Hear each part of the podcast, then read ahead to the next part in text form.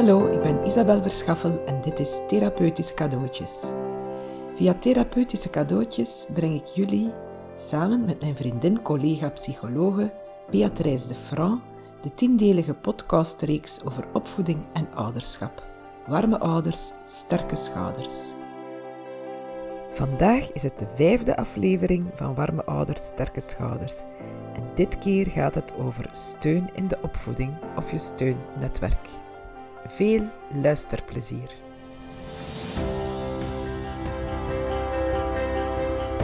Hallo Bea, welkom terug hè, voor onze vijfde aflevering van Warme Ouders, Sterke Schouders.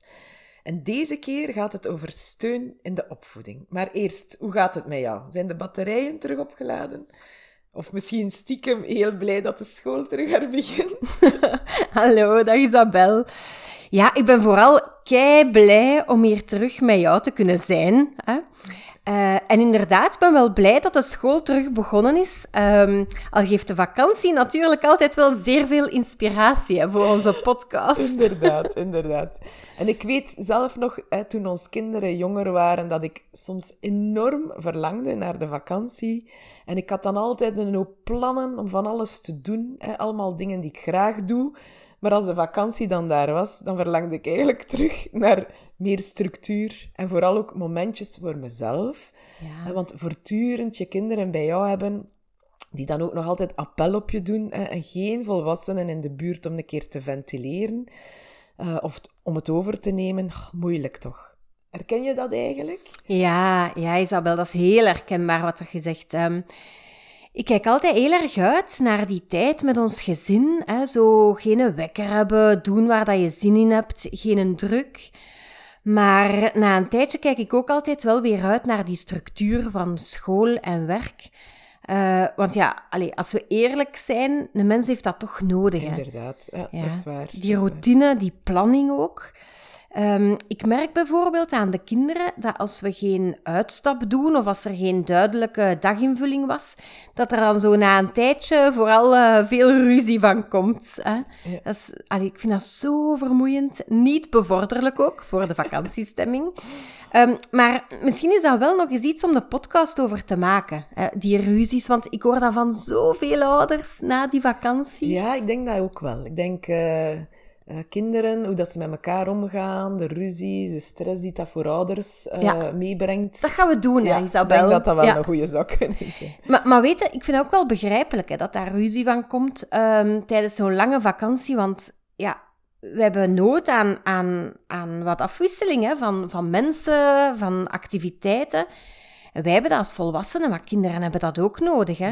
Um, en zoals jij ook al zei, hè, vaak alleen thuis zijn met de kinderen, dat is leuk. Hè? Ik vind dat wel heel leuk, maar ik mis dan toch ook wel zo de afwisseling om eens een goed gesprek te hebben met een volwassene zonder tien keer onderbroken te worden. Hè? Ja, ja. Of een keer alleen naar het toilet kunnen gaan bij kleine kinderen. Is ja, dat, is zo. Ja. Of uh, zonder toeschouwers kunnen douchen. Ja, inderdaad. Ik inderdaad. herinner mij dat nog, maar dat is bij mij nu gelukkig uh, al een beetje voorbij. Voorbij, ja. ja. Dus, allez, in het kort, de vakantie was leuk, de batterijen zijn opgeladen en ik ben er weer helemaal klaar voor. Oké. Okay. Uh, voor we van start gaan met ons thema, hè, steun in de opvoeding, wil ik eigenlijk nog een keer graag de opvoedingsthema's herhalen, hè, waar dat we tot nu toe rond gepraat hebben. Ja, goed. Uh, we hebben... Uh, Allee, herhaling, hè, dat helpt toch altijd bij mij een beetje. Ja, bij mij ook. Um, dus we hebben het eerst gehad over de hechte band mm -hmm. en waarom deze fundamenteel is. Uh, we kunnen deze bijvoorbeeld de ying noemen. Hè. En uh, daarna hebben we het gehad over grenzen trekken, wat dan de yang is bij de ying.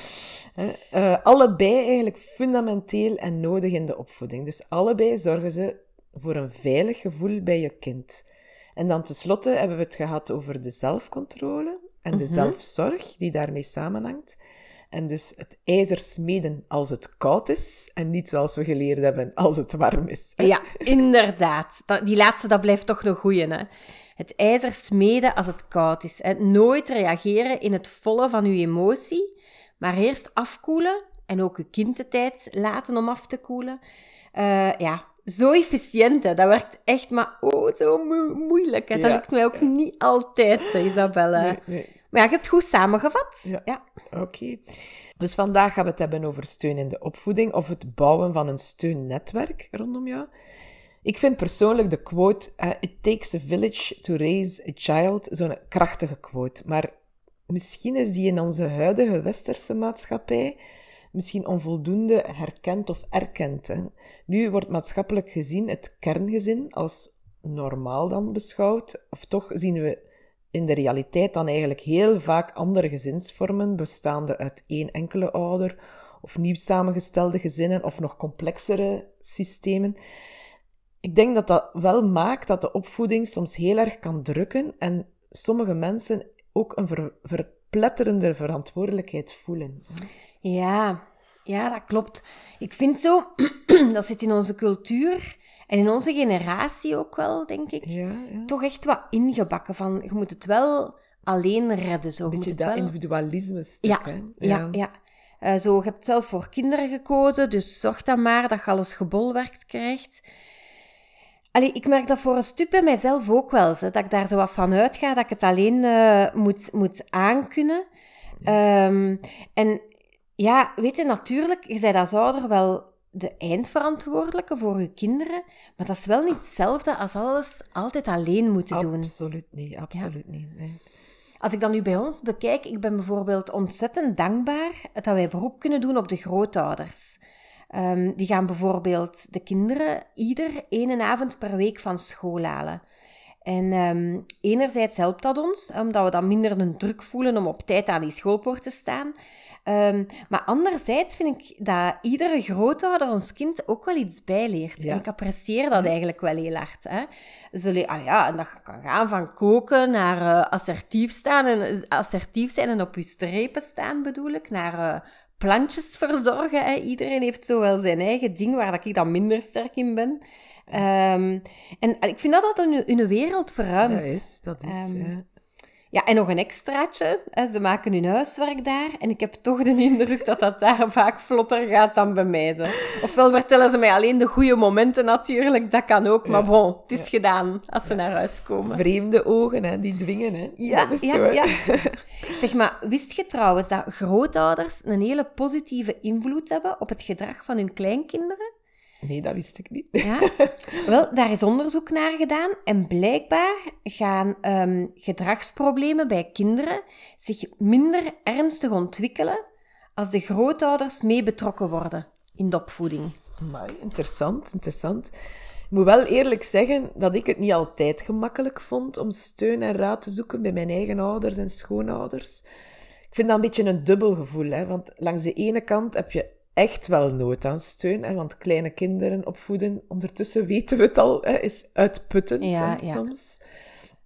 Maar langs de andere kant wil je de opvoeding ook echt op jouw manier doen. En niet het overnemen hoe dat je ouders het deden. Sommige delen misschien wel. Hè.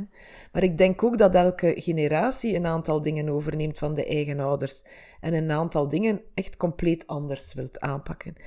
En sommige dingen horen volgens mij ook gewoon bij de tijdsgeest en de cultuur en zijn dan per definitie gewoon anders. Maar toch vind ik in dat dagdagelijks opvoeden soms een spanningsveld. Merk, merk jij dat ook? Goh, ja, ja, ik begrijp wel wat dat je bedoelt. Hè. Ehm, nu, ik denk dat ik enerzijds geluk heb hè, dat de grootouders van, ehm, van onze kinderen heel respectvol omgaan met de keuzes die wij maken in onze opvoeding. En die gaan daar niet tegenin gaan. Hè.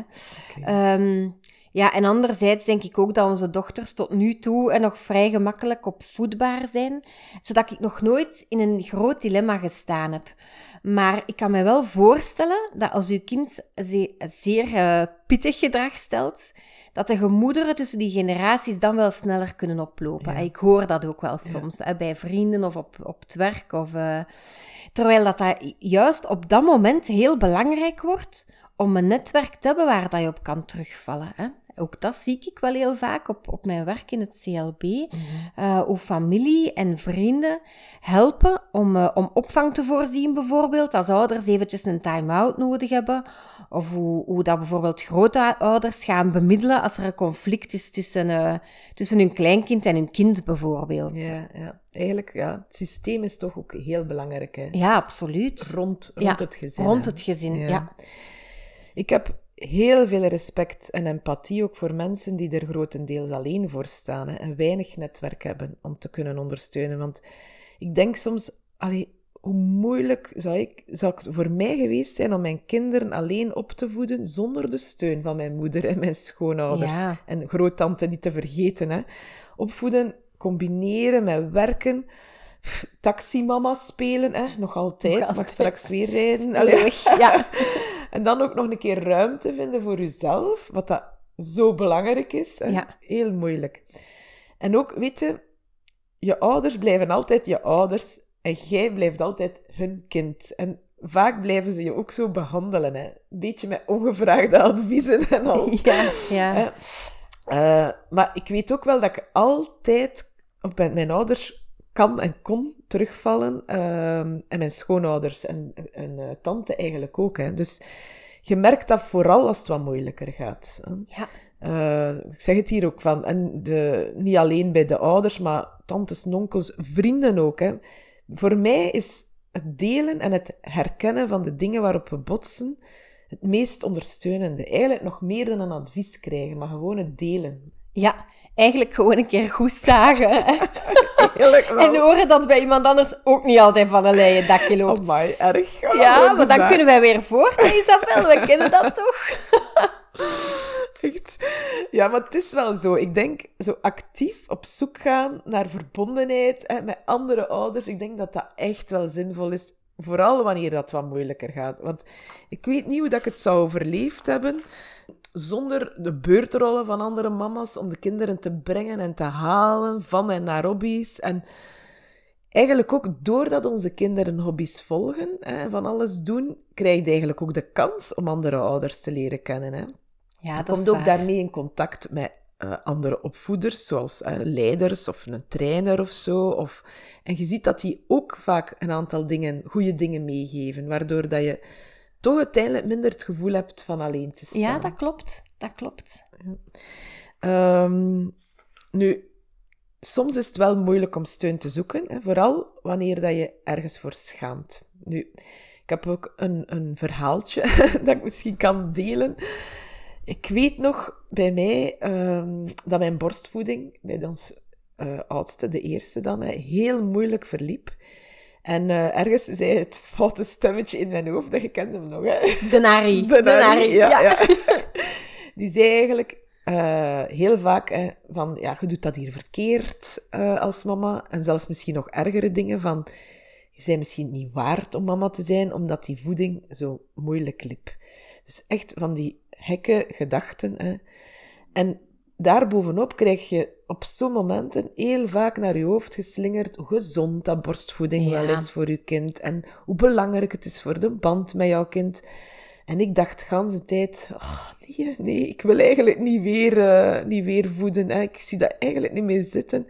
Maar het was eigenlijk niet oké op dat moment. En toch durf je dat niet echt toe te geven aan je omgeving schaamte. Ja. Dat is echt zoiets, volgens mij, dat veel meer aanwezig is dan mensen durven toegeven. Ja, ja. Zo'n menselijke reactie, maar zo'n verlammende reactie ook. Hè? Want um, ja, Brené Brown hè, spreekt daar onder andere over, over schaamte. Je weet, ik ben daar een ongelooflijke mega fan hè, van Brené Brown. Ik vind die fantastisch. En ik zou ook eigenlijk iedereen aanraden om eens te luisteren of te kijken naar de TED-talks die ze daarover geeft. Hè. Uh, de TED-talk noemt ook luisteren naar schaamte. Ik zal het ook wel vermelden anders in de show notes ah, van onze podcast. Hè. Maar, en ik kan het ook niet verwoorden hoe dat zij dat verwoordt, want ze is echt een fantastische storyteller. Hè. Maar eigenlijk vertelt ze in een notendop dat schaamte hè, is eigenlijk het intens pijnlijke gevoel dat we niet volmaakt zijn en daar, dat we daarom niet waard zijn om geliefd te zijn, erbij te horen en verbonden te zijn. En dit gevoel van schaamte, dat is zo moeilijk bespreekbaar en doet ons dan zo alleen en eenzaam voelen. En uit onderzoek blijkt dat dat intense gevoel van zich afgewezen en verworpen voelen eigenlijk dezelfde delen in uw brein activeren die geactiveerd worden als we fysieke pijn ervaren. Amai, oké, dat wist ik niet. Nee, dus mentale pijn is eigenlijk net hetzelfde als fysieke pijn. Dat is, dezelfde zones worden eigenlijk geactiveerd in je hersenen. En Brené Brown gaat nog verder hè, daar rond. Dus ze zegt er is een verschil tussen schaamte en schuld. Want schaamte, dat gaat echt over je niet waard voelen, hè, of niet goed genoeg, je niet goed genoeg voelen. Dus over je identiteit, wie je bent. Terwijl dat schuld eerder gaat van, ik heb iets niet goed gedaan, of dat gaat echt over je gedrag. En dat kan je ook aanpakken. Je gedrag kan je wijzigen. Hè, um, en kun op een ander, je kunt ook op een andere manier de dingen gaan beginnen doen. Maar het is enkel door te praten over die schaamtegevoelens dat we er grip op krijgen en kunnen zien dat het niet gaat over niet goed genoeg zijn. Eerder over iets niet goed kunnen op dat moment. Oké. Okay. Um, dus ook volgens mij hebben mensen bij opvoeding ook vaak schaamtegevoelens als de dingen niet vlot verlopen. Hè. En ook weer iets dat Brené Brown uh, regelmatig citeert, is de quote van uh, The Man in the Arena van Theodore Roosevelt. Uh, maar ik ga hem nu niet vertellen, hè, maar het gaat echt over ja, de criticus, hè, de, de, critic, de criticus. En vaak zijn wij zelf de grootste criticus. Hè, van onszelf. Van ons eigen. Ja. Oké. Zeg maar, het is wel heel tof dat je daarover begint, want we zijn ook wel zo opgevoed hè, dat je de vuile was beter niet buiten hangt. Hè, um, terwijl dat stilzwijgen en alles binnen huis houden de situatie vaak juist nog zwaarder maakt. Hè. Ja. En ik zeg daarmee niet dat je door de straten moet gaan roepen hè, dat je moeilijkheden hebt met opvoeding of zo van je zoon of, of dochter. Ik heb het ook niet over, over uh, je kind uh, proberen te, te vernederen of in verlegenheid te brengen. Hè, want dat hoorde zo soms wel, hè, van, uh, op, op familiefeesten voor 50 man. Hè, dat ouders dan zeggen, moeten nu een keer wat weten wat die van ons heeft ja, uitgestoken. Ja, ja. Hè. Dan creëer je schaamte bij je kind. Dan creëer je schaamte bij je kind, dat willen we dus niet. Nee. Hè. Um, hè, dat is geen constructieve manier om om hulp te vragen. Nee. Um, maar, maar wel, um, als je mensen uitkiest die het goed voor hebben met u en met uw kind, dan kan dat juist een verademing zijn hè, om u kwetsbaar op te ja, stellen. Ja. En dat zijn echte momenten waarop dat je merkt hoeveel deugd dat vriendschap kan doen en dat familiebanden kunnen, kunnen geven. Uh, en een mens heeft dat toch echt nodig. Hè? Het is ook daarom natuurlijk hè, dat we deze podcast begonnen zijn, hè, in de eerste plaats. Ja, ja inderdaad. Om het moeilijk bespreekbare toch bespreekbaar te maken. Zodat we beseffen dat we eigenlijk niet alleen zijn en allemaal worstelen met de dingen des levens. Ik hoop dat we een klein steentje verleggen door onze podcast. En uh, ook door het delen van onze eigen ervaringen. Hè? Onze eigen vuile was. Ja. Klopt helemaal, Isabel. Echt waar. Um, zeg, en ik las deze week trouwens nog een artikel in de Standaard over uh, parentale burn-out. Oh, ja, ja, ja, dat ken ik, parentale burn-out. dus zo ouders die het eigenlijk zo goed willen doen, dat ze ja, eigenlijk zichzelf helemaal uitpersen totdat ze zichzelf verloren zijn. Ja. Um, en dat ze zich daar dan ook over schamen, omdat ze het gevoel hebben dat ze, dat ze niet voldoen aan de, ja, aan de standaarden van goed ouderschap of zo. En dat is toch echt wel wat dat wij hier willen doorbreken. Hè. Echt, echt waar. Ja. We hebben echt, allee, dat is toch onze boodschap, hè, van praat er gerust over als je in een moeilijke periode zit. En liefst op een moment dat het probleem nog, nog niet helemaal boven je hoofd groeit. Hè. Ja. Vraag hulp aan vrienden of aan familie of aan een professional. En daarnaast vind ik toch ook wel eens onze boodschap van, weet je, ga gerust een keer de mist in. Hè. Het hoeft absoluut niet perfect te zijn, zolang dat uw intenties maar goed zijn. En dat is bij het overgrote deel van de ouders, is dat ook ja, zo. Hè. Ja. Um, en zelfs al gaat een keer de mist in, dan kunnen dat daarna wel herstellen. Hè? Ook na een heel lastige situatie. Inderdaad, dat herstellen is ook iets superbelangrijk ja, eigenlijk. Hè? Dat is voor de volgende podcast. hè? We hebben er nog wel wat te maken. Hè? oei, oei, oei. Um, zeg, en, en hulp vragen aan iemand, hè? dat hoeft eigenlijk ook niet alleen te, te gaan over luisteren en praten, want wij doen dat natuurlijk graag, hè, Isabel. Maar niet iedereen voelt zich daar zo comfortabel bij, denk ik. Hè. Je hebt ook mensen die heel graag willen helpen, maar die meer zo doeners zijn. Ja. ik heb zo bijvoorbeeld al voorbeelden gehoord van mensen die zeggen van... Uh, ja, s ochtends sta ik er alleen voor, hè, met drie kinderen bijvoorbeeld. Die maken dan heel veel ruzie, die doen niet voort, die luisteren moeilijk. Um, en die vrouw, die had dan aan haar buurman gevraagd om s ochtends gewoon koffie te komen drinken bij haar. Ja.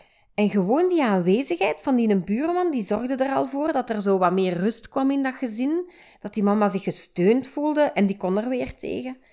Um, of, uh, of zo'n ander voorbeeld van een opa die zich had geëngageerd om, uh, om Frans te studeren en met zijn kleinzoon, zo op vaste momenten in de week omdat ze gemerkt hadden dat er anders toch altijd maar conflicten van kwamen. Hè, als uh, de ouders dan nog zo rap tussen de soep en de patatten moesten doen en moesten opvragen. Hè, en dan ging dat niet genoeg vooruit. Dus ik vind dat wel mooie voorbeelden hè, van hoe dat mensen kunnen steunen. Of zo, ja, gelijk papa's die een keer de, kleine meepakken buiten om te gaan shotten. Ja. Als ze hè, merken dat mama even... Uh, ja. Over, rood, over, rood Ja, in het rood gaat, inderdaad.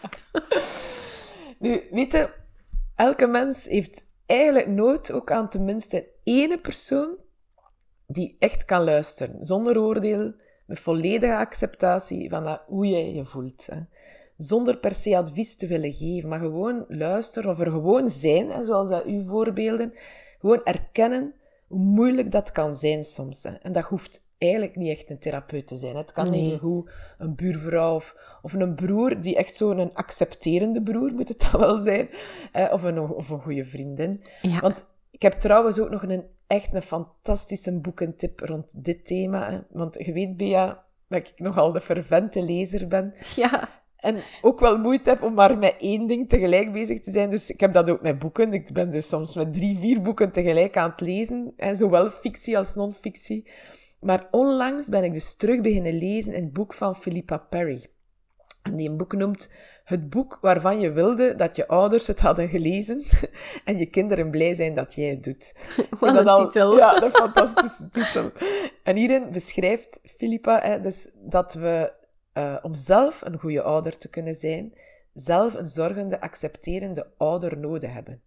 En ouder bedoelt ze eigenlijk ieder volwassen uh, medelevend persoon. Hè. Dit hoeft niet uw echte ouder te zijn, maar iemand die ons gewoon aanvaardt zoals dat we zijn, zonder oordeel over de gevoelens die we hebben. Het meest helende, wanneer we het moeilijk hebben, is het kunnen uiten van deze gevoelens aan een niet-oordelende ander. En zelfs al zijn we zelf ouder van een kind, net zoals een kind ons geaccepteerd moeten kunnen voelen, hè, met al onze twijfels, ook die rond ouderschap. Dus het is nodig om zelf een goede ouder te kunnen zijn. Hoe schoon is dat niet? dat is waar. Dus eerst het zuurstofmasker zelf opzetten, want anders kan je echt niet zorgen voor je kroost. Zo mooi, Isabel. Heel mooi gezegd. En dat boek ga ik dus echt nog lezen, hè, want dat staat op mijn to-do-lijstje, maar ik kan uw leestempo echt niet volgen, hoor. Dus uh, ik loop altijd een beetje achter. Het is wel pingpongen, hè, denk ik. maar kom. Um, maar ik moet, ja, ik moet wel zeggen um, dat ik um, moeilijke periodes in mijn leven, dat ik wel altijd zo'n volwassen medelevend persoon, zoals dat je dat dan noemt, gevonden heb. Hè? Ja. En meer dan één trouwens. Uh, ik heb dat al gevonden bij mijn eigen ouders, maar even goed bij vrienden. Of ook echt uit onverwachte hoek van, van mensen waar dat je wel een goede band mee had, maar daarom nog zo geen extreem hechte. Ja. En ik vond altijd zo ontzettend intens voelen dat, dat mensen je accepteren zoals dat je bent, zonder oordeel. Ja, ja, ik heb daar echt al heel veel aan gehad in mijn leven, echt waar. Ja. En zo is er toch altijd nog een zilveren randje aan een donkere wolk, hè, Isabel? Ja, ja, maar voorwaarde is wel dat je kwetsbaar uh, durft opstellen, natuurlijk. inderdaad. En je kwetsbaar opstellen is helemaal niet simpel, maar wel heel waardevol. Hè? En soms is die niet-oordelende persoon eigenlijk niet degene die je had verwacht. Ja, inderdaad, dat is zo. Oké, okay, Bea, ik ga nog eens samenvatten over wat we het vandaag gehad hebben. Hè. Uh, herhaling helpt altijd bij mij. Dus uh, ten eerste, steun zoeken bij de opvoeding voor je kinderen broodnodig hebben gezien dat we steun kunnen zoeken bij familie en dat ook bijvoorbeeld grootouders een heel positieve invloed kunnen hebben op onze kinderen. Maar steun kan eigenlijk ook uit een meer onverwachte hoek komen, hè? zoals bij andere ouders, andere mensen die je kind kennen, zoals vrienden, buren, leerkrachten, leiders, trainers enzovoort. En steun zoeken is absoluut niet altijd gemakkelijk en zeker in perioden waarin de opvoeding niet vanzelfsprekend verloopt. We moeten ons dan durven kwetsbaar opstellen en daarmee gaat dat vaak die menselijke reactie van schaamte gepaard. Maar als we nu minstens één andere, niet oordelende persoon kunnen vinden die onze gevoelens accepteert en er gewoon kan zijn, dan wordt die schaamte en het stilzwijgen ook doorbroken. En dit is zo helend en zo noodzakelijk voor ons mentaal welzijn. En eigenlijk niet alleen als het gaat over twijfels en schaamte rond opvoeden, nietwaar? Maar ja, je hebt het goed samengevat. Ja. Maar nu, het is tijd voor onze bobbel en onze sprankel. Ah, leuk, leuk. Lang geleden. Lang geleden. Ik moet eerlijk toegeven dat ik nogal wat bobbels heb gehad de laatste periode. Ehm, het lijkt een beetje alsof dan na de zwaarste coronaperiode ik, ik en precies ook precies andere mensen een weerslag krijgen. Ja. Ik weet niet of dat je dat herkent. Ja, ja, ja. Maar ook op verschillende vlakken. Zo terugleren sociaal zijn. Heel raar klinkt dat misschien, maar ik heb dat een beetje zo terug moeten nu begeven hè, onder de mensen. Uh, nu weer te veel werken, te veel sociale activiteiten terugdoen. Soms veel meer dan voor de lockdown. Hè, terwijl ik eigenlijk mezelf had beloofd meer af te grenzen en te zorgen voor pauzes en vertragen en meer me-time. En eigenlijk zie ik nu dat dat weer een beetje aan het doorslaan is. En ook bij ons kinderen zie ik een beetje van hetzelfde. Want uh, ik gun ons gasten echt, zeker de oudste, twee, uh, heel erg om terug van de fijne dingen van het leven te kunnen genieten. Want ze hebben echt wel wat gemist. Maar het lijkt alsof dat ze zo gulzig zijn om die verloren tijd in te halen. En vooral ook de oudste heeft last om terug in dat schoolse ritme te geraken. Zo, met al die eisen die weer gesteld worden. Ja. En uh, ze geraakt dan oververmoeid en ook weer heel emotioneel en gevoelig. Hè. Dus het leidt wel vaak tot pittige gesprekken, maar ook voor, voor echt wel wat zorgen bij mijn man en bij mij. Hè. Maar de zorgen, hè, de bobbels, gaan vaak gepaard dus weer met sprankeltjes. dus ik ga die ook wel vertellen, want uh, ik heb de indruk dat hoe moeilijk dat ons oudste momenteel heeft met die schoolse druk, en hoe meer mijn, mijn man en ik proberen om accepterend en niet oordelend te zijn, we oefenen elke dag opnieuw. hoe meer dat ook zij dan zich meer openstelt en haar emoties deelt. Het gaat op en af, hè. Eerlijk, eerlijk zijn. Het lukt niet altijd. Maar dan was daar de spetterende sprankel. Ehm, vorige week was ik alleen hè, bij ons oudste. Uh, ja, je kent dat, pedagogische studiedagen en events. En uh, enfin, ik was alleen thuis. Oké, mooi. En uh, zij stelde voor om samen naar de film te gaan. Oh, en zo leuk. In de week. Ja. Maar nu mijn eerste gedachte was, Bea, allee, ik heb gewoon geen tijd, ik heb nog zoveel werk te doen. Midden in de week naar de film, echt waar, dat is gewoon geleden van in mijn studententijd dat ik dat nog gedaan heb. Maar gelukkig besefte ik dat enkel het onze Harry was die niet echt uh, die zinvolle dingen in mijn oor aan het fluisteren was. En ik heb echt dan gezegd, oké, we gaan onder onze twee naar de film. Oh, zalig. het was echt zalig. Het was echt zalig. Gewoon weer eens iets tussen onze tweeën. En heel grappig, achteraf hoorde ik haar tegen een paar uh, vrienden van haar zeggen ja, ja, ik ben met ons moeder naar de film gegaan. Een girls night out, hè. En ik dacht echt, je zegt zo, oh. een klein kindje blij. Ja. Oh, maar zo mooi is dat wel. Oh, ik ben zo blij voor u, echt waar. echt fijn, fijn. En je voelt dat dat wel iets doet weer met je, je band. Je band, hè. Ja. en dan kun je weer voort. Dan kun je weer voort. En jij, Bia? Bobbels, sprankels. Ja, ja, wel, ik heb... Um, het is niet recent op zich dat ik gekozen heb. Um, maar um, ik wil hier toch zo nog een keer in de verf zetten hoe belangrijk dat een steunetwerk kan zijn. En hoe belangrijk ook dat kan zijn om, om die schaamte te doorbreken, hè, waar dat we het over gehad hebben. Ja, ja. En um, ja, ik denk dat... Ik ben meestal wel een, een, een vrij rustig persoon. Ik denk dat veel mensen mij wel zo zouden omschrijven. Maar ehm, als ik moe, ziek, gestresseerd of eh, een combinatie van die drie ben, Oei, oei, oei. ja, ja, dan kan ik echt over de rode gaan. Ja. Eh, en meestal gebeurt dat dan tegen mijn kinderen.